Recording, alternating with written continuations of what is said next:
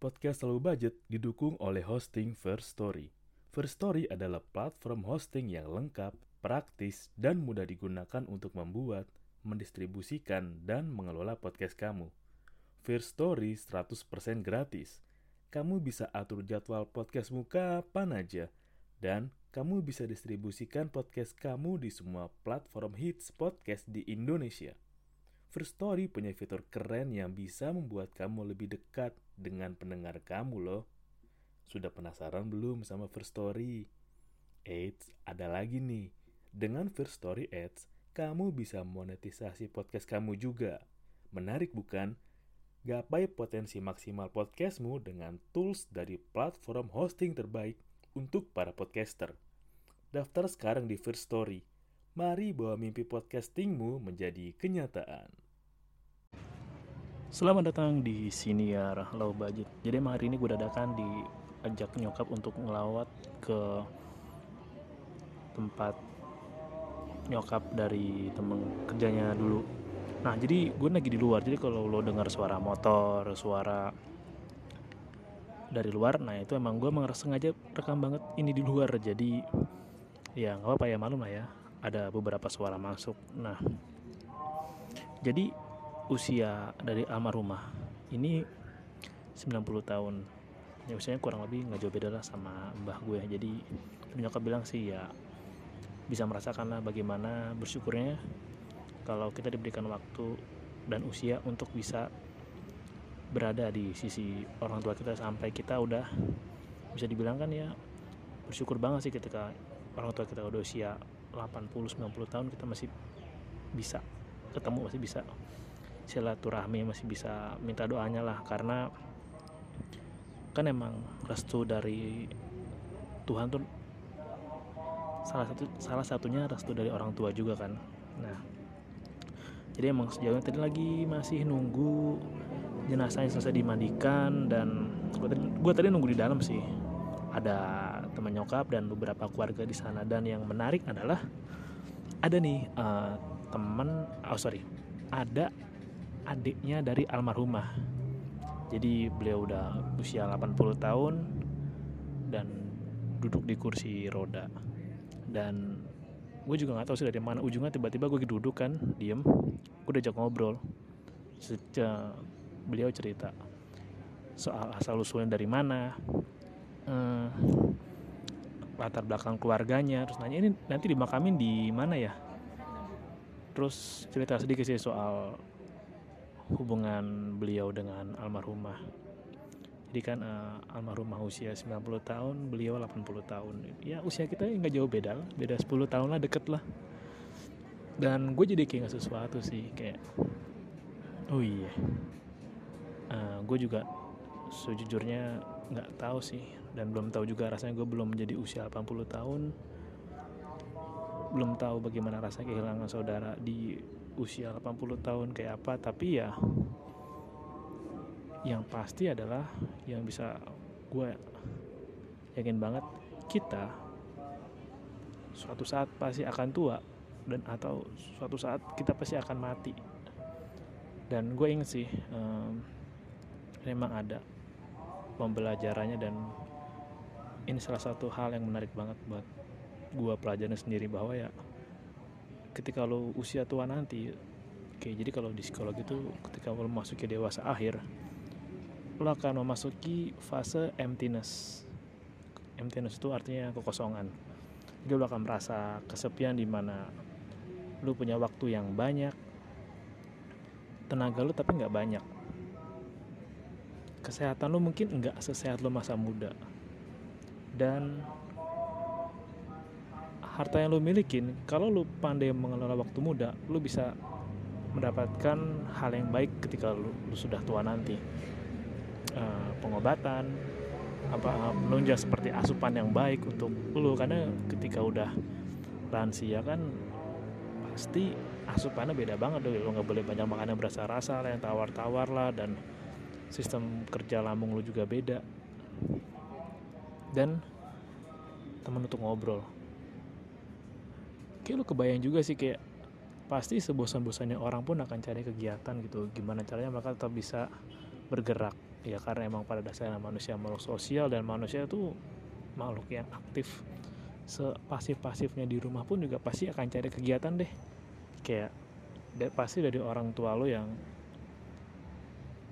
pokoknya nggak ada yang udah pensiun atau udah usia, usia pensiun pasti ya nggak ada kegiatan di rumah tapi ya udahlah cari-cari kegiatan. Apa kayak kayak misalkan oh ini nih.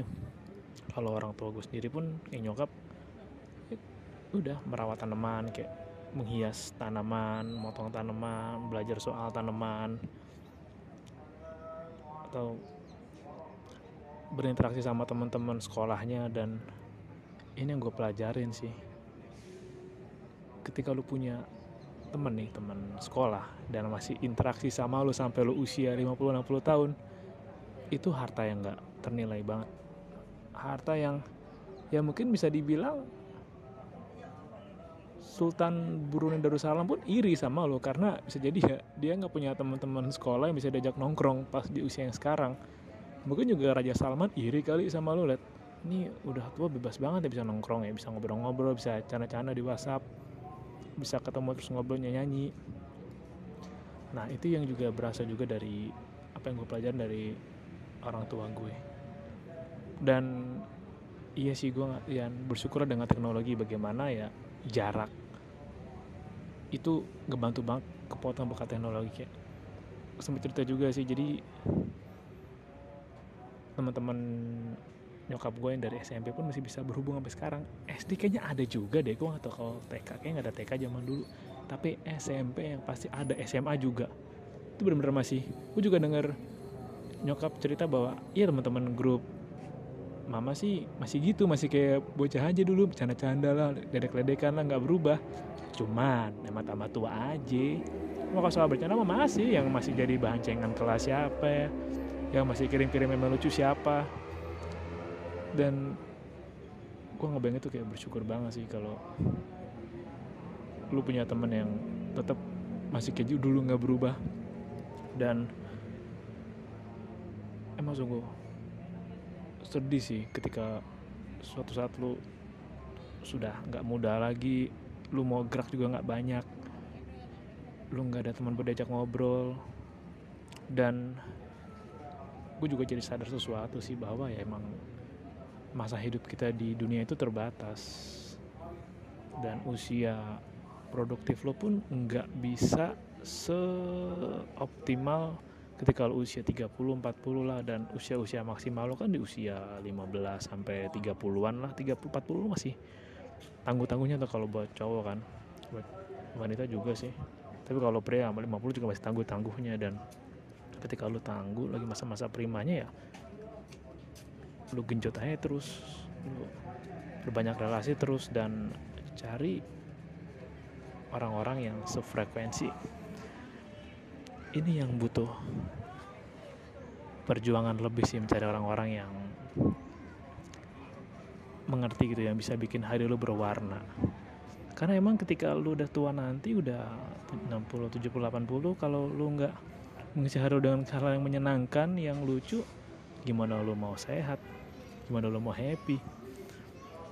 Dan apalagi kalau lu nggak belajar caranya nabung dari muda. Karena gue pernah juga baca sih penelitian.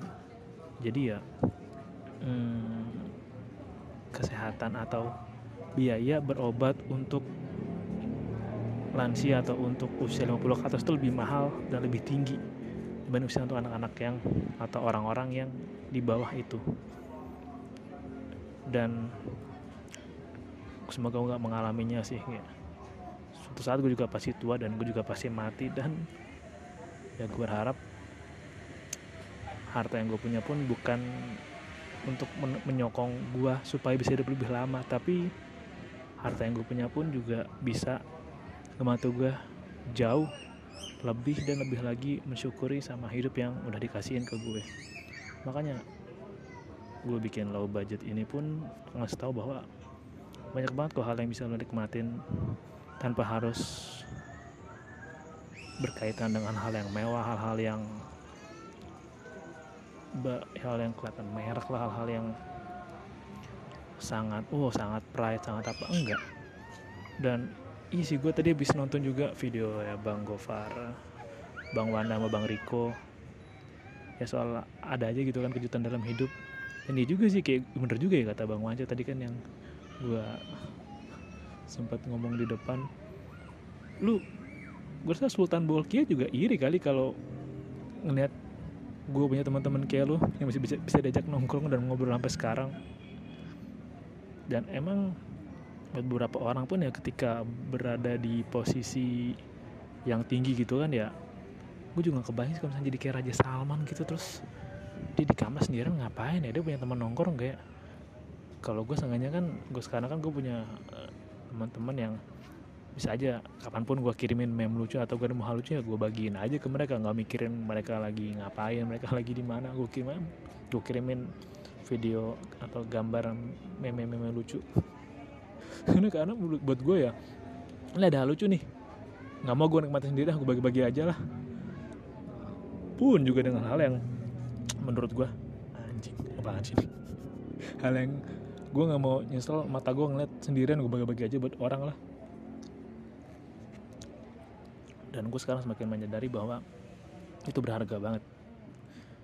Berharga lebih dari uang. Meskipun emang uang bisa ngebantu gue untuk bisa tetap terhubung dan menikmati banyak hal tapi gue juga harus tahu bahwa kebahagiaan itu juga datang pun dari hal yang bukan uang teman-teman yang lucu. Kegiatan-kegiatan yang rutin dilakuin dan menurut gue ini menurut gue aja sih. Gue bersyukur sih kayak dari dulu pun gue seneng aja baca gitu. Jadi kalau gue seneng atau mau ngapain ya gue baca aja udah. Gue baca apa kayak yang bisa gue baca? Kan daripada gue melakukan hal-hal yang sangat baik hal-hal yang hanya bikin ngantuk hal yang tidak produktif lah ya gue gunain buat baca. Toh senengnya suatu saat misalkan ada gue udah tua gitu kayak siapa ya? Uh, jangan Adolf Hitler jangan. Kayak siapa ya udah tua uh, coba gue yang dulu yang udah tua tuh. Oh anggap aja gue kayak inilah kakek kura-kura di Dragon bola gue udah tua gitu kan. Gue jadi kakek kura-kura terus gue bawa tongkat jalan-jalan gitu tongkat yang gede terus kayak anak kecil nanya e, kek dulu katanya kalau tiap hari minggu ada kartun nak di TV kayak ah, ya gue cuma bisa bilang ah, wahai bocah ketahuilah sini duduk di samping kakek. Akan kakek ceritakan sesuatu. Bu atau apa seru kayak misalkan gue udah gue udah sepuh gitu kan duduk di balai-balai ya sambil ngopi-ngopi item sambil main gacha. Kalau anak kecil datang e, kek kenapa sih kakek suka banget sama One Piece? Emang kayak apa sih One Piece kek? Gue kalau ditanya kayak gitu tuh sini duduk samping kakek. Akan kakek ceritain hal yang kamu tahu bahwa dunia itu luas dan banyak hal yang menarik. Ini kakek ceritain wah langsung deh tuh. Wah langsung ceritakan full seharian bagaimana tentang One Piece ya. Menurut gue seru aja sih ketika lo punya hal yang banyak dibagiin lo punya banyak ilmu yang bisa dibagiin punya teman-teman yang ceritanya lucu dan bisa lo ceritain ulang ke teman-teman lo itu bahagia banget sih. Dan gue pernah bilang kan kayak ini gue selalu reminder dari gue sih pokoknya gue pas usia 70 tahun gue pingin kayak Kak Seto. Gue masih tetap gesit tetap lincah bisa sedikit parkur oke okay lah. Ya seenggaknya gue masih bisa push up 15 sampai 20 kali lah sekali push up pas usia Kak Seto. Kan emang Kak Seto dari awal kan dari kelas gue dulu ketemu Kaseto 2011 ya gue masih inget tuh. 2011 gue ketemu Kaseto sama Kaseto jadi cosplay jadi Seto Kaiba. Gak berubah coy. Asli. Kagak berubah. Gak ngerti gue kayak gue gak tau apakah Kaseto minum air keabadian atau emang Kaseto apa namanya hmm, apa sih immortal? Ya gue juga gak tahu sih. Tapi asli nggak berubah dari sekian tahun loh. Dan emang gue juga pengen kayak gitu sih. Banyak kalau ada yang bilang lu dari dulu nggak berubah segitu-gitu aja. Ya emang segini-gini aja pengennya gue sampai gue tua pun karena emang gue masih pengen bisa nikmatin hal-hal yang udah Tuhan kasih di kehidupan gue lah. Ya banyak hal banget kayak gue ketemu orang random diajak ngobrol. Atau misalkan ya paling kan gue juga nggak tahu sih kenapa seringnya tuh gue lagi di terus ada orang ngajak ngobrol gue harus cerita gitu. Iya dulu sih saya kerja di sini udah lama. Dulu kayak tadi kan. Udah lama di sini saya dulu orang pemerintahan kayak. Buat gue ya udah dengerin aja lah. Dan ya ketika lu udah tua nanti pasti lu cuma pengen didengerin lu pindah ajak ngobrol. Seenggaknya tuh pasti lu pengen ada yang merhatiin lu gitu. Karena emang lu untuk gerak aja susah pun itu yang gue jaga banget dari sekarang. Gue nggak mau sebisa mungkin nggak pengen repotin orang gitu. Karena lu tahu sendiri ya belajar dari pengalaman orang tua gue. Ketika lu sudah menjadi tua ya lu pasti akan namanya sulit gerak pakai baju susah makan susah buat makan susah minum pun susah. Dan sebisa mungkin ya gue nggak pengen ngomong gue pengen buat orang lain repot lah. Karena juga ngejaga orang tua pun oh gue juga pernah denger sih. Kalau belajar juga bahwa kalau di psikologi itu ya ketika kan ketika orang tua semakin tua jadi emang sebenarnya kembali ke anak kecil. Kayak kebiasaannya gitulah uh, tingkah lakunya. Tapi emang fisiknya aja enggak. Nah lo tau sendiri kan bagaimana anak kecil tuh harus perlu perhatian yang lebih tenaga yang lebih harus perlu yang perhatian ekstra dan ya pengennya gue tetap sih kalau gue kebayang kayak udah tua udah santuy semua udah uh, bahasanya itu apa? Orang yang sudah selesai dengan dirinya gitu gue udah selesai dengan diri gue sendiri gue bisa duduk damai ditemenin keluarga gue sambil gue baca-baca buku lah tipis-tipis lah. Sambil tetap ngegaca sambil bisa ngopi-ngopi tipis ngopi hitam nggak pakai gula. Sambil ngopi sambil liatin macam-macam varietas padi yang ada selain Oriza Sativa. Itu hidup enak banget dan ya udah cukup ya udahlah aku udah siap memasuki kehidupan berikutnya. Tapi tetap sih gue tau waktu lu terbatas waktu gue juga jadi gue pengen sebisa mungkin ya lu juga tetap bisa menikmati kehidupan ini dengan baik. Jangan jangan, jangan sampai lah ada hal yang ketika lo udah tua terus lo kayak anjing nyesel gue atau gitu dulu mah gue ngelakuin aja ya. Aduh coba dulu gue begini coba dulu gue begitu. Jangan sampai sih lo kayak gitu sih kayak ya udahlah motor doa aja udah toh lu kesempatan hidup di dunia yang sekarang sekali. Maksimalin aja. Siapa tahu multiverse ada lu nanti di ekspor ke mana atau lu tinggal di mana ya siapa tahu. Tapi untuk kesempatan dan dunia yang sekarang ya udah maksimalin aja. Apa yang ada dan saran gue ya kalau ada orang random gitu kayak cerita sama lo atau ada orang tua yang cerita sama lo dengerin aja udah jangan sosok main HP sih. Itu yang sebisa mungkin jangan deh kayak itu adab yang banyak banget orang udah mulai pada tinggalin kayak orang lagi ngobrol ngobrol sampai main HP dan sedih aja sih ngeliat sih. Tadi gue juga oh ya maaf maaf ya pak bentar aku tak balas pesan sih.